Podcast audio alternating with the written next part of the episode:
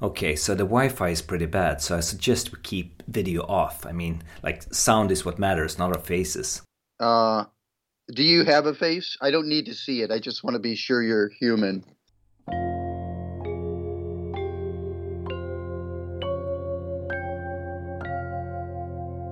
Hej och välkomna till Udda Ting, en podcast om sällsamma historier, kreativitet och kreatörerna själva. Mitt namn är Henrik Möller, musiken är skapad av Testbild och loggan till podden är gjord av Malmökonstnären Nalle Chinsky. Det här avsnittet ska handla om skådespelaren, författaren, manusförfattaren, regissören och skräckfantasten Charles Schneider. Jag har spenderat många nattliga timmar tillsammans med Charles där han har berättat om sina favoritskräckfilmer, böcker, sina mystiska resor världen över och sin tid i Hollywood där han jobbade med bland annat David Fincher, Tim Burton, Brian Jösna, Terry Swigoff och många, många fler. Och det är det sistnämnda, nämligen hans äventyr i filmens värld, som vi kommer att ha i fokus i det här avsnittet. Varsågoda. Uh, how did you start your creative life? Was there like a defining moment when you said, I'm going to be an artist? From my very earliest years, I was picking up something in my hand and trying to draw a picture before I could barely crawl. My eyes were bigger than my head almost. I had these big ears. I looked like an alien. And uh, my parents were also extremely supportive in that they love books. And when I was a little tiny boy, they threw children's books on the floor like a carpet so that I would crawl around and then I would just sort of stumble upon a book and pick it up and look at the pictures. So immediately it, they encouraged my creativity by having all these books and cool things around me and, you know, folk music and stuff. I think that my muse, though, took control when I was quite young. I immediately wanted to get on stage and show off or do my little tricks and things, um, tell stories.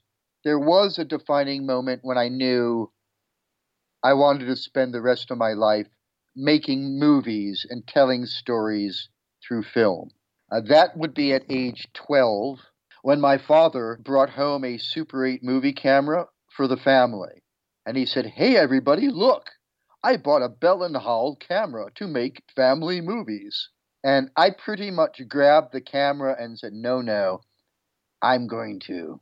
So right away, it was like being handed the perfect typewriter or pencil or pen, magic wand. It was like, oh, this is the tool I was looking for. For $6, I could get a roll of Kodachrome Kodak film, and that was three minutes long.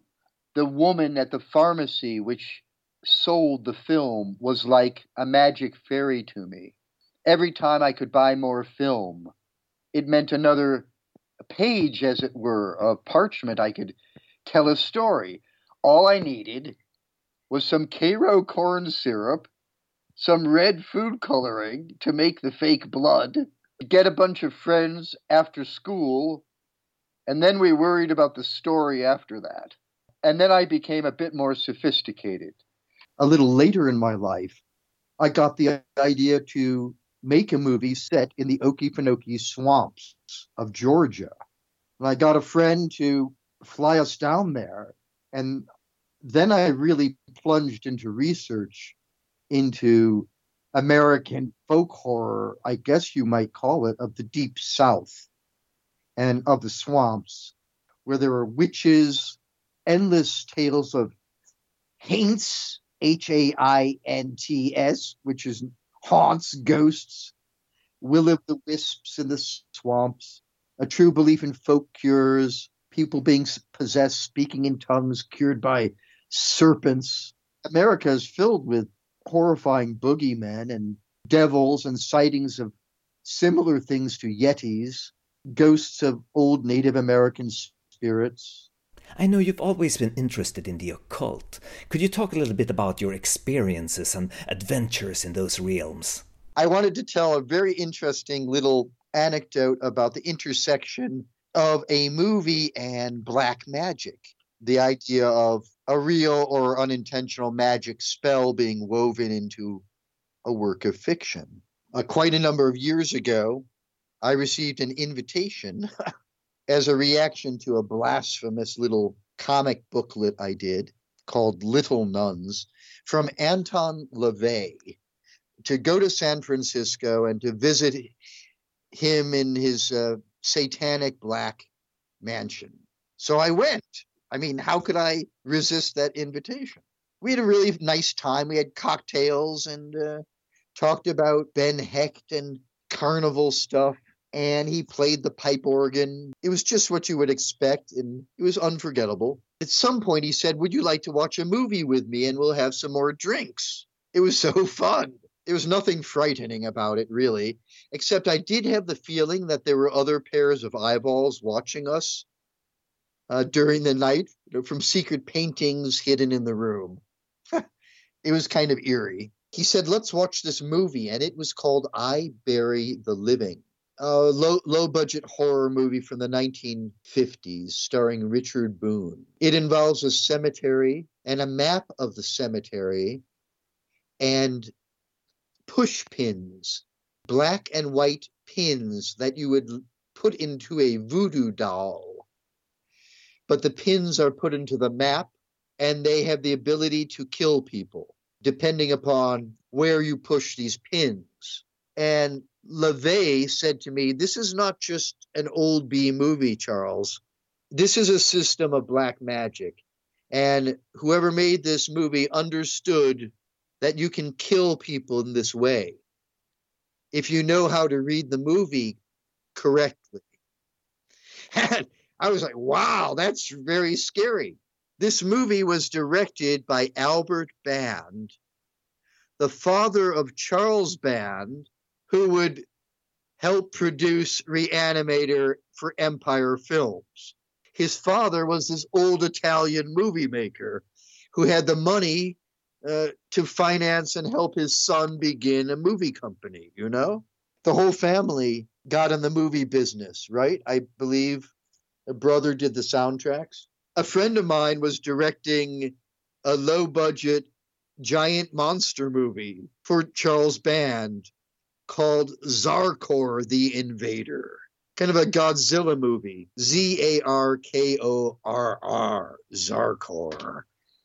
And he said, Charles, you you'd be really good as the hacker. It was completely cliche. You know, you're going to be in a wheelchair. You're wearing these horn rimmed glasses with a band aid broken around the lens, the whole. but you have to audition and you have to meet with Charles Band. Well, that's cool. I knew who he was and he had quite a reputation. At some point in the 80s, uh, they even tried to blow up Empire Studios, but that's another story. I went, so I went into the room, and there was Charles Band, my friend, the director, Aaron Osborne, and Albert Band, the old man sitting in the corner. And I realized immediately, holy blankety blank, that's the guy who directed I Bury the Living, the movie I watched about four years ago with Anton LaVey at two in the morning while drinking Manhattans. I looked at him and I said, Gentlemen, before I begin my audition and try to read for the part of Arthur for this brilliant piece of cinema you hope to make, I must tell you, Mr. Band, your movie you directed as a younger man, uh, I Bury the Living, it's not just a movie, it's a way of life. It's a roadmap, a magical system, a way of grabbing the soul. And I went on and on with this kind of jive. And he looked at his son and he said, just give him the part. I think I might have said a little bit more. I think I did go into the details. I believe I said the map is no mere map. It's a guideline to the human body, like the chakras. If one knows where to apply the pressure, you could simply kill a human being like that. And I know their eyes got wider and wider. So I, I didn't even have to read for the movie. That's one thing I very much miss about living in Los Angeles, it was larger than life to some extent when you got close, and the opportunities to be part of horror movies was very fun. Whenever I had a chance, I would do anything to be even in a small part in a horror movie. Being a horror fan, it must have been wonderful for you to be in a horror film yourself. I mean, like in Bride of Reanimator with Brian Yuzna. It really came about maybe by um, meeting my friend, the special effects genius from Japan, Screaming Mad George. Uh, in New York, when we were both art students, I helped him write letters to Rick Baker and various special effects people. And so we both moved to Hollywood at the same time and ultimately did meet Brian Yuzna. And I would help also behind the scenes. In Bride of Reanimator, I'll never forget, I played uh, part of this freakish creature at the end of that movie, half man, half woman. So this woman and I were fused together by KNB Special Effects. It was so cool to see Jeffrey Combs, who played Herbert West, screaming as the laboratory falls apart and we try to rip him apart. That was really cool. And Brian Yuzna did direct that one. I have a very nice but ultimately tragic story of how I met Brian Yuzna. I met him at the H.P. Lovecraft Film Festival when I was there with my film Inviting the Demon in 2013. And the director of the festival had said to me that Brian was so impressed with that film that he said that he was uh, that I was the guy that he wanted to work with. And I was of course super happy. And later we talked and we spent the rest of the day and entire evening drinking at the bar and talking about film and film financing, which he of course is quite an expert on and he told me stories of working with Dan O'Bannon, the writer of Alien, and meeting people like like H.R. Giger, and uh, Giger at that point was still alive, and I wondered why he wasn't working and why he was excluded from working on Prometheus. And the reason was, of course, that he was and had been severely drunk and addicted to drugs for many, many years, so he was in no shape to work anymore. And at that point, nobody in the outside world knew about that. So when Brian told me, it was news to me and quite a revelation that made sense. But ultimately, it was uh, too late to make a film with Brian. The days of uh, films with proper budgets were gone, and he himself, I think, had not have not made a film since then. I met him a year later at the Cannes Film Festival, and he was still struggling to get financing for a project. But yes, it would have been great to make a film with uh, Brian Yuzna as a producer, but yeah, it was too late. What if I'd met him 10 to 15 years earlier? Might have, might have happened. I was in touch with Brian very recently. They're showing uh, Reanimator at film fe- at a drive-in fil- drive-ins, yeah, and he was interested in me acting to film an introduction like they did for Frankenstein, you know. Prepare yourselves for the movie you are about to see. If you cannot stand the blood curdling, you better turn away. And that kind of thing. I also wrote a screenplay for Brian with Screaming Mad George called Animus for a horror movie that was never made. And oh, it was an amazing script. I cry about that sometimes. I also acted for Brian more like burned alive is to be more appropriate and accurate. In the horror movie Faust, he was living in Spain, and I got a phone call. Hey, Charles, it's Brian Yuzna. Would you like to play a Satanist who uh, burns alive and dies horribly? Uh, can you show up today? I was like, What? Uh, yeah, okay. So I showed up on the set and it was very low budget, so I actually played two parts with and without a mask on my face. I have the mask on, and they had two pipes with actual fire, flames, you know, the special effects, about one foot in front of me and one foot behind me. And Brian said, Action, okay, Charles, scream like like you're dying now and Satan has appeared and there are flames, and I did not have to act because these special effects guys. I mean, Brian's a great guy, but I don't know who was doing the job. They hit the propane tanks, and they had little holes drilled in these tubes of steel, and gigantic jets of flame shot up, and I was trapped between this wall of flame, and I uh, was bare chested and I could actually feel flames burning my behind. And I was I actually screamed, "I'm burning!"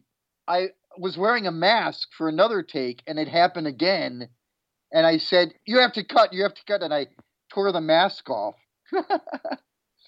and I said that was just a little too close to my derriere for comfort. So let's just say I nearly burned alive for Brian. I'm really interested in your time working with Tim Burton in Beetlejuice. Could you could you talk a little bit about that experience? My only memory of being on the set of the film Beetlejuice, I was just lucky enough to have been cast as an extra, and every even the tiniest extra in that movie looks super cool. They put me on a fake noose, a body harness, on a conveyor belt with another fellow who looked a, pretty similar to me. We were both skinny, cadaverous fellows. I recall the very brilliant and Academy Award winning, I think, makeup artist Ve Neill, V. E. Neill, doing my makeup personally. At the time, I recall because there were so many of us, and they were using a new technique. They were used an airbrush uh, on for a lot of my makeup. It was very beautiful and seamless. I looked gray and kind of skull faced in a bit, little skinny suit, very Tim Burton and gothicy. She did the makeup for me. I can share sometime with the world a lovely Polaroid I have of that makeup test. I recall Tim Burton coming into the makeup trailer and looking very close at my face for approval. And his eyes got wide. He was young. He had his crazy hair. Like a child, he was just so happy at the job she did. And he said, Good, good, good. And then he left. And then directed me in the scene with everybody else. My other memory is of seeing a box of those books, The Guide to the Afterlife, which a bunch of characters are holding or given. And it looks like a book from the 1920s. You can now buy reproductions of it. But they had an entire crate, the prop department had made they'd taken very old books and they'd silk screened these beautiful vintage covers, this guide to the underworld or afterlife. And I have never felt my fingers itchier to steal a books I should not steal. I thought they have like a hundred of these. They're not going to miss. They're not going to miss one. And I'll never have a chance these are going to be priceless props. He wasn't famous then, but I already knew. But guess what? I did not commit the crime. Never lend out your books. Never lend out books from your library to other people. All of the books in my library are ones which I borrowed from other people. I know that you've worked with uh, David Fincher. I know at least you've been in Zodiac. Could you talk a little bit about how, uh, your role in Zodiac and how that came to be? Is not an, a character you really see much in the movie except his murder. He was the third victim of the killer in real life. In reality, of the number of people who were murdered by the Zodiac killer for sure, taxi driver was number three. It takes place during a very st- stunning aerial shot downtown San Francisco. You can see the theater district. The musical Hair is opening. Crowds of traffic, cars, and obscured, we see the murderer hailing a taxi. The camera moves in on my face. And then, in very amazing, early, but seamless, perfect photorealistic computer generated shot of the taxi driving through the streets and then back to street level i am grabbed uh, or rather yeah, I, I turned around and um, shot in the back of the head. So it was very, it was lovely to get a phone call saying David Fincher would like to blow your head off. And for me, it meant reuniting with an old friend because I spent, oh, over five years on and off working for David Fincher as a writer when he worked uh, music videos. Early in my time in Hollywood, somebody connected me with Propaganda Film Company. That was the name of the company, Propaganda. They were making early, they were a major company making early music videos, TV commercials. They were to go on to produce things for David Lynch, Wild at Heart. Early, was Twin Peaks produced there? I'm not sure. But Steve Golin and Joni Sighvatsson were incredible producers. I went over there, and in the very beginning, I was just a production assistant. I drove a car around. I got a producer's Jaguars washed for them at the car wash. Very quickly, I realized, well, they're they're making these music videos, and they've got to write these little scenarios to get the jobs, little pitch, little pitches. For example, for Vogue, we are we we uh, for for the production of Vogue, we will emulate the still photographs of Man Ray. We begin and we by seeing Madonna entering in black and white, she etc. etc. So many production companies would get a song and then would pitch the video to the artist. And this would include a three page piece of paper. Make a long story short, I went to the head of production at Propaganda and I said, I am not a driver, I am a writer. And here's a four page example of this song. This is what I would do with this Stevie Wonder song. And they said, that is really, you can, re- you really wrote that well, that description. And they gave it to Fincher, who was just starting to, to make cool things there. And he said, I'd like to work with you. Will you be my writer? Anything I think of, and sometimes I want you to just go think of stuff for me. For example, we would listen to uh, Paula Abdul, and he would say, I, I don't have time. Go home and give me Billy Idol, for example. Go home, think of 200 images of things Billy Idol or other people could do at a nightclub. Just brainstorm, Charles. Okay, David. And I would come up with all kind, crazy. I would go home and just like, uh, there's a girl in a phone booth. It starts raining in the phone booth. She's wearing a giant, giant Punch and Judy mask, and who knows? I would just go on and on.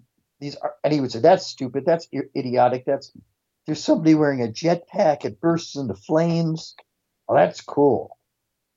He would discard many of the ideas. He would add ideas, and as it grew, I I learned what his taste and style was. So I would end up writing these pitches. And nine times out of 10, he would get the job, probably based on his reel.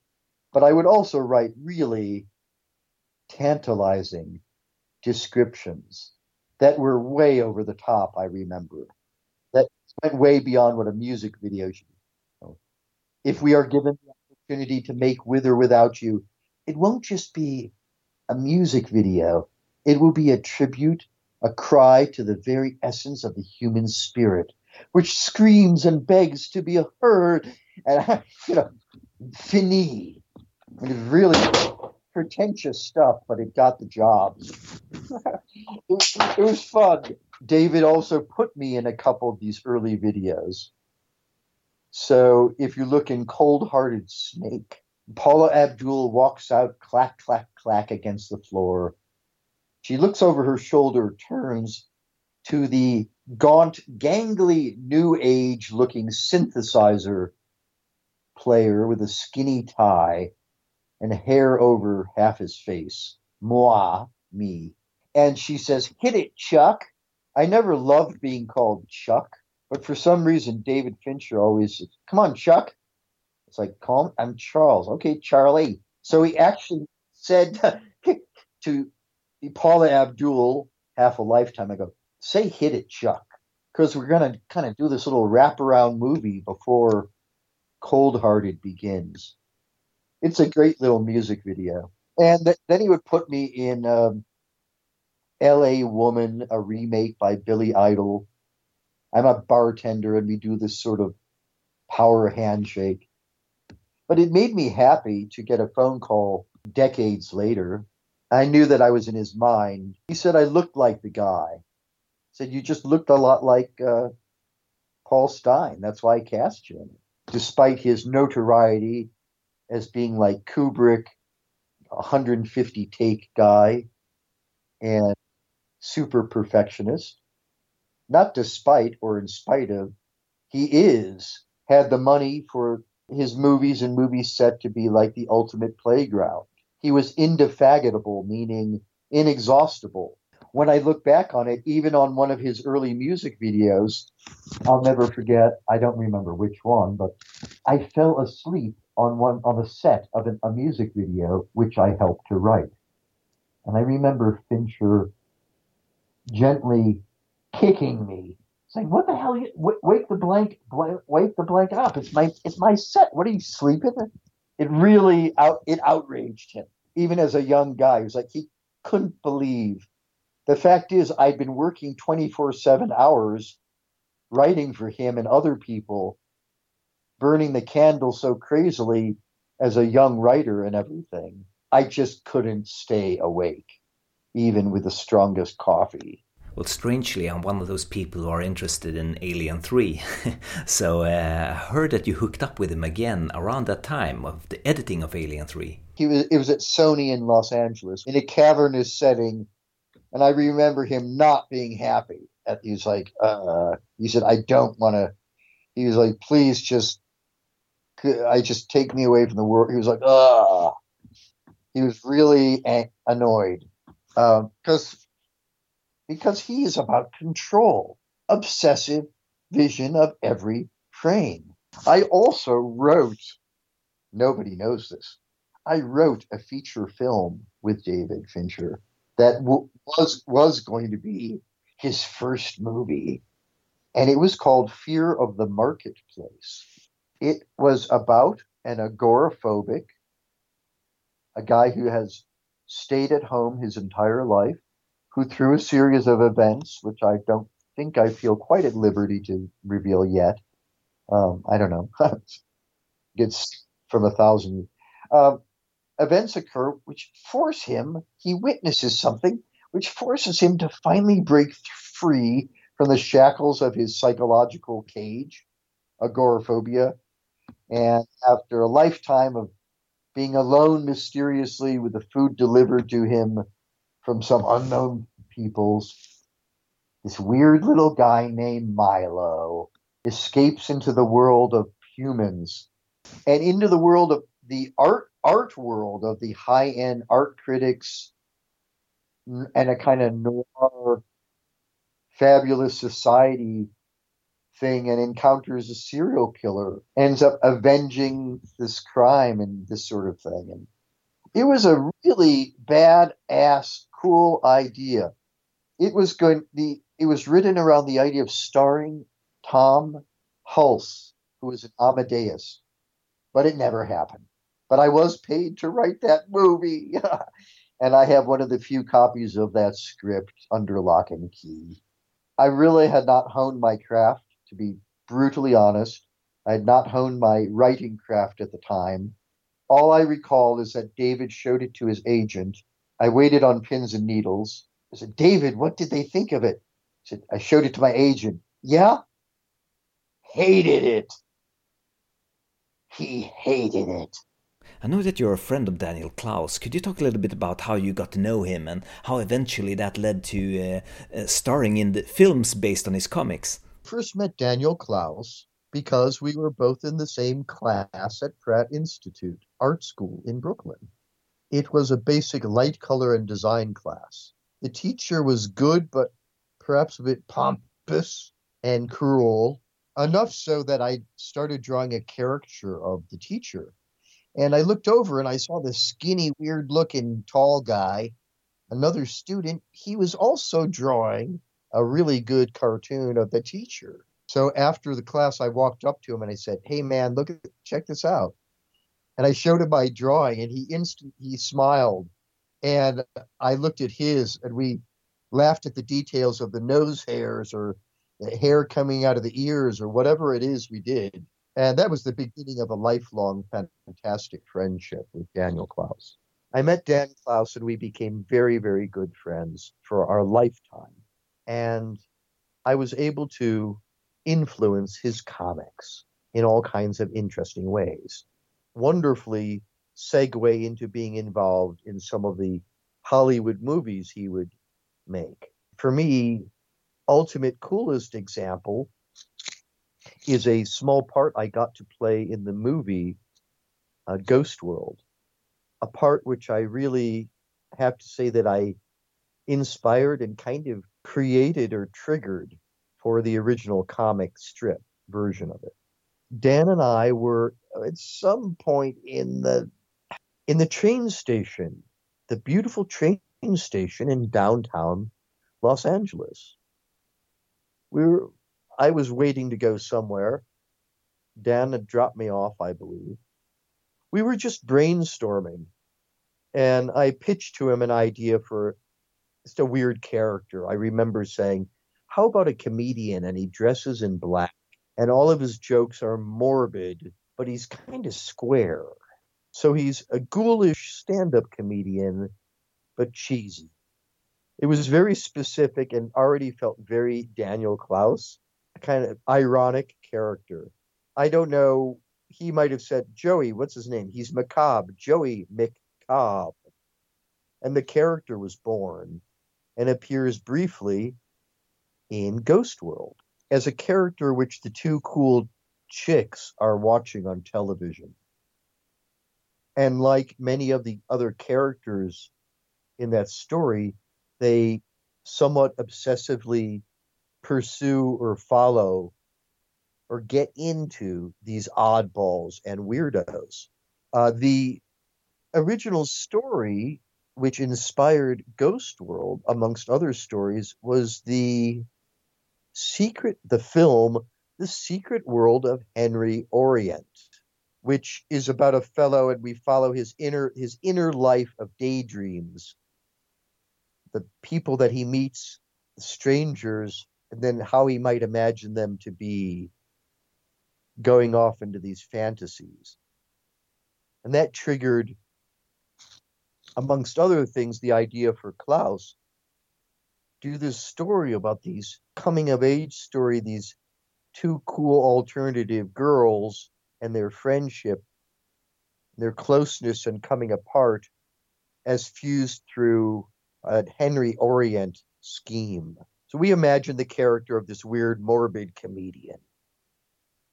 Then I proceeded to live my life in Silver Lake in the 1990s in Hollywood. I would go to a coffee house called Angels every morning for greasy eggs and my coffee. And I started to notice it was kind of a, a it was a time warp of a coffee shop people looked like they were out of an Ed Wood movie or had been in Ed Wood movies. Hollywood has many places like this where lost souls gather, actors and screenwriters who have spent 30 years going to the same coffee shop. It was a really cool place to live because you felt that link with the past, even going back to the silent screen era. I would go to Angel's coffee shop and I remember seeing at a table a couple. The man looked like Anton LaVey and the woman looked like his satanic wife follower, but in a corpulent, pedestrian way. I told Dan about some of these characters, and it was ultra delightful to see that perspective and some of them work work their way into the Ghost World comic strip, which originally appeared in his comic book Eight Ball. There is actually a book of the Ghost World screenplay, a little square paperback, which has some very cool supplementary stuff in the back of the book, including a photograph I took of the actual true satanic couple from Angel's Coffee Shop who would influence the couple in the comic strip who would then become characters in the movie. I followed the development and I knew I had to somehow be a part of this film. I really wanted to play that character, but it was a very high end production from the very beginning. So from the beginning, I asked Dan, um, I'd like to be a part of a movie. Well, uh, many top name actors wanted to be in this movie. They heard about it already. Zwigoff, there was a bit of a buzz. He'd done Crumb. There was a cult feelings to it. And quite a number of actors had auditioned for the role of Joey McCobb, the comedian character that I inspired. And Dan told me even Jack Black was interested in the part, but that idea did not thrill Terry Zwigoff. He's like, nah, no way. And the casting continued, and they were unable to find an appropriate actor. And at, at the last minute, Dan said, Yeah, they're willing to have you come in and give it a shot. And I was very happy because I felt I know this character like my flesh and bone. I mean, if you've ever seen a person who is blind in one eye or has had an accident, and they have a pair of sunglasses they wear where one of the lens is dark or black and the other is nor, uh, clear. For some reason, I knew that I needed a gimmick when I entered the casting office with the director and Daniel Clowes and Leanne would be there. It was serious. I only had one chance. I wore a black suit, a very old black suit, a white shirt, and a skinny black tie.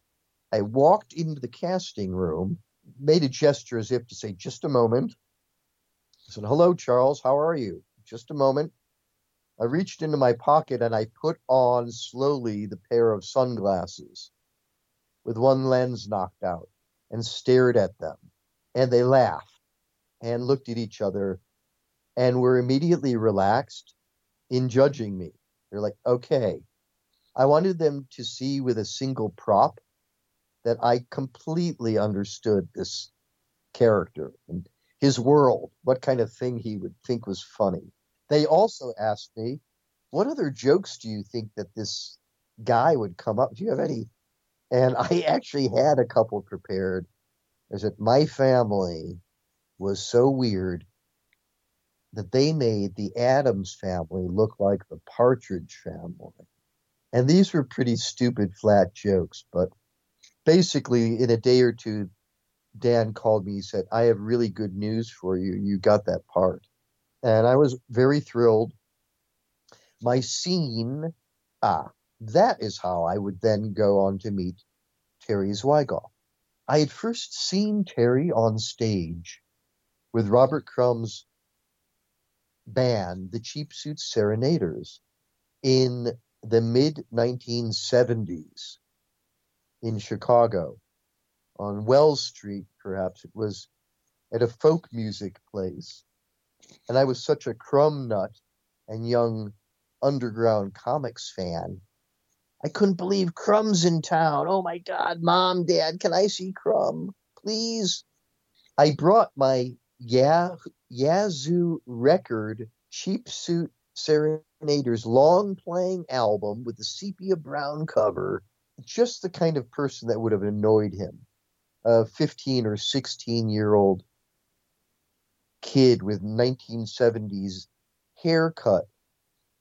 Mr. Crumb, Mr. Crumb, could, would you please give, would you please sign my record for me? He was exhausted from playing, probably was annoyed that I was not a cute chick. And he said, okay. And he took the pen and he wrote the initial R. That took about a minute. Then he wrote C. And he looked up at me. R. He must have taken five minutes to write just the name R. Crumb. Not because he could not write his name super fast, he wasn't losing his mind. He was just, I think, messing with me or something.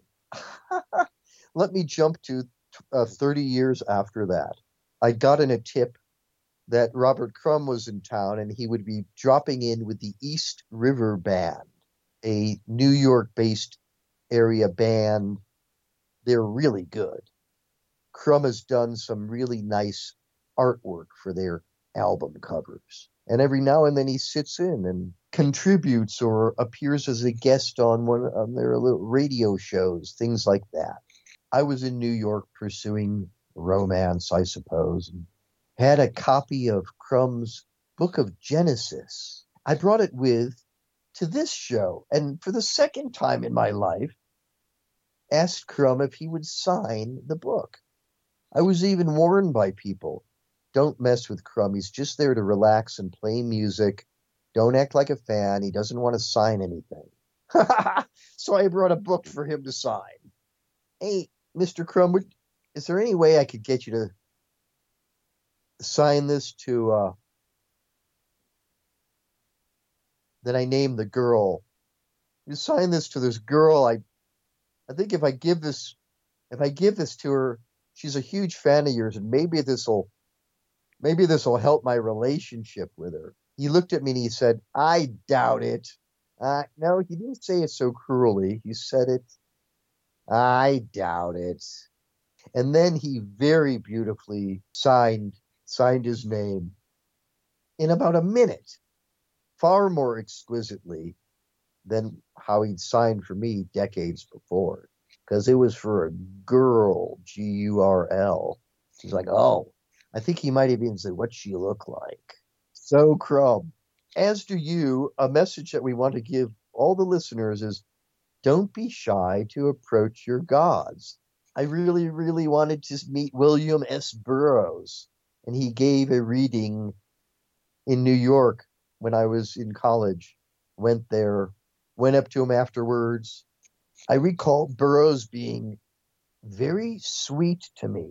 And when you're that age, you'll you'll do you really want your your heroes to dig you. I was all dressed in black. I was very skinny. I dyed my hair black like the Ramones.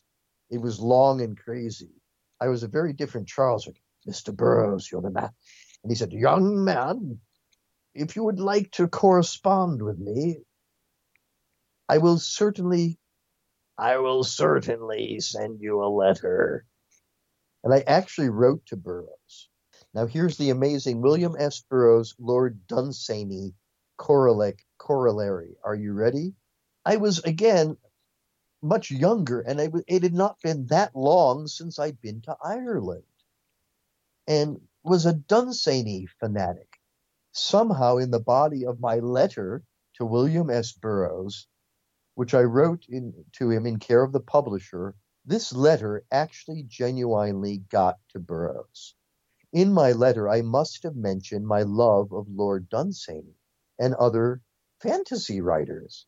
Because I received a letter with a Bowery address from William S. Burroughs. Dear, um, dear Mr. Schneider, thank you for your interesting letter he mentioned that he went to a boys' school in Los Alamos, quote, where they invented the atomic bomb. Then he also said, and I'm not quoting exactly, though I can reference you the letter. I posted it on Facebook. Uh, he says, I appeared in a play, the play of Dunsany's A Night at A Night at the Inn. I played the part of the Toff, T O F F. That's all I remember. Can you imagine William S. Burroughs when he was in boys' school in the town where they created the bomb, played the part of the Toff in a Lord Dunsany play? We may have to eh, um, jump back to Ghost World because I want to tell you much more. I met with the great Mary Zophres uh, who would go on to costume, Coen Brothers film, all kinds of great stuff. She was just talking with me, like doing her job masterfully. What do you think? She brought out she brought out a bunch of shirts and old suits. From the very beginning, what defined the character when I talked to Dan. I said probably he would wear a a creepy suit, but then he's clueless, so he would wear big tennis shoes, like puffy pumas. My character would appear in a scene on television, so they had to shoot that before other stuff, so it could then be blue screened or however it would be done back in the day. My scene was scheduled as one of the first, if not the first, shots of the movie.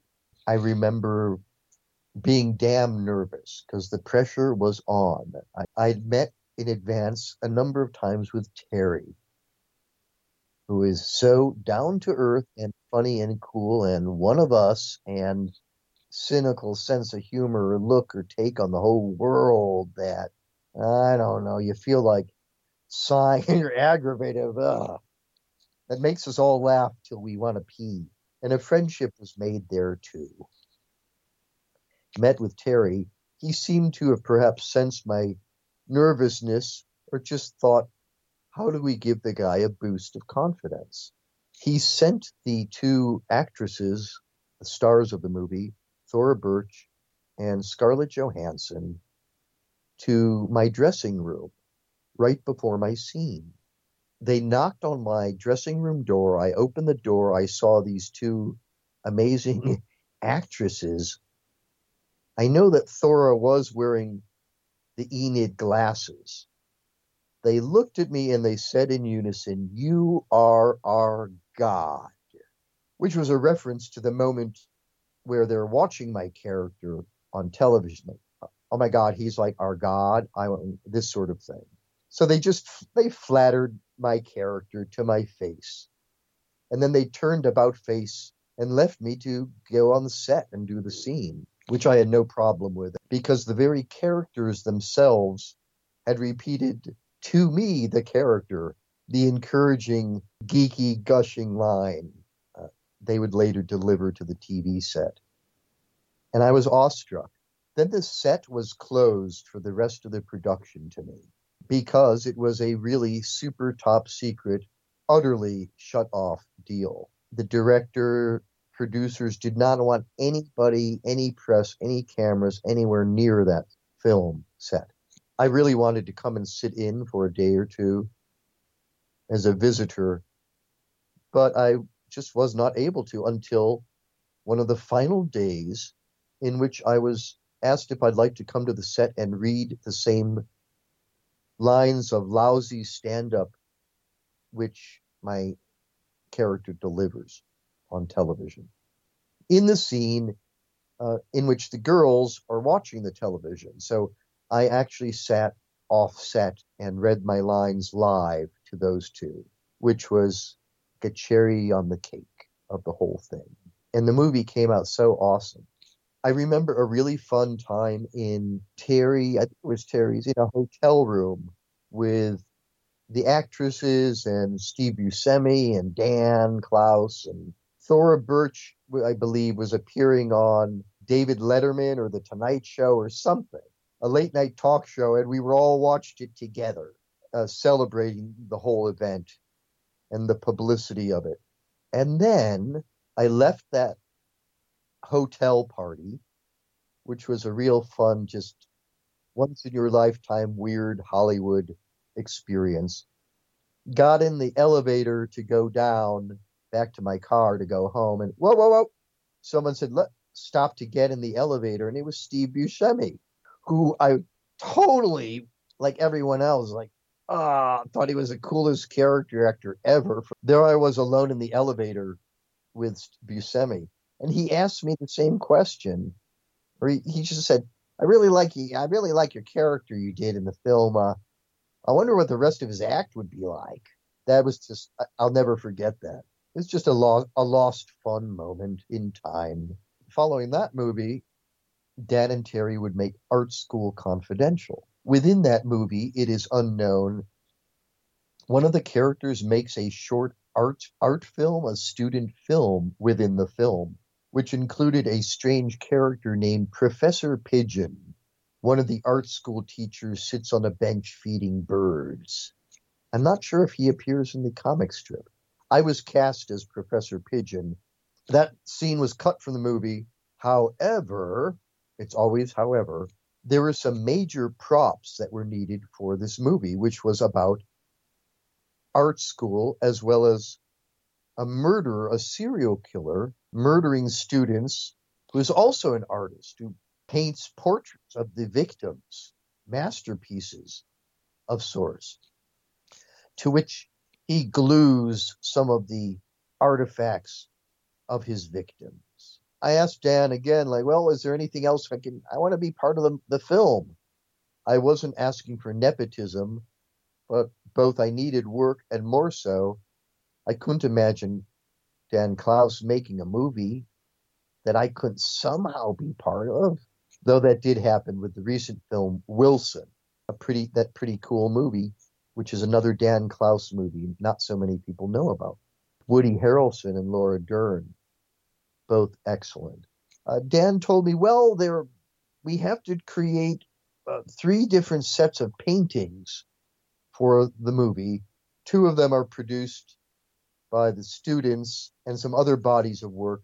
And then there were these paintings made by the psycho, the killer. I was told that there were some other people competing to get this job to do the paintings of these murder, murdered victims. And it was a pretty good job. You could make a thousand or a couple of thousand bucks for each painting or whatever the deal was back then. I they were supposed to be quite realistic, and Dan had an idea of what these paintings should look like. A bit he thought in the manner of Ivan Albright, also very well known for painting the portrait of Dorian Gray in one of the later movie adaptations, an extremely grotesque painting, which you can see to this day at the Art Institute of Chicago. Dan Clowes, who is also from Chicago, as am I, picked Ivan Albright's work because it was extremely de- detailed, edge lit, a master of decay and death.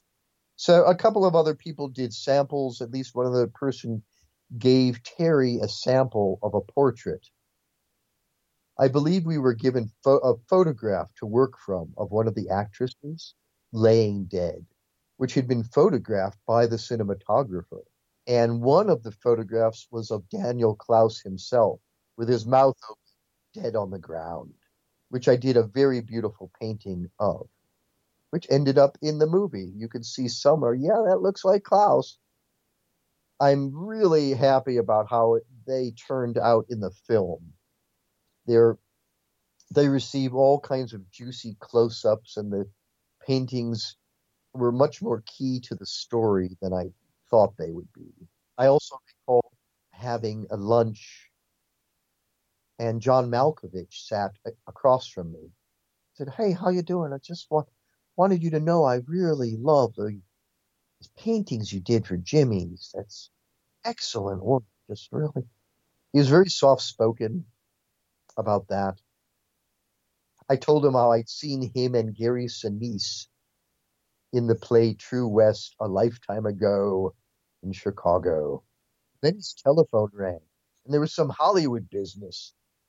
And his face turned lobster red, and he stormed off, screaming, You tell that bastard I'm John Malkovich, god damn it! Uh, yeah.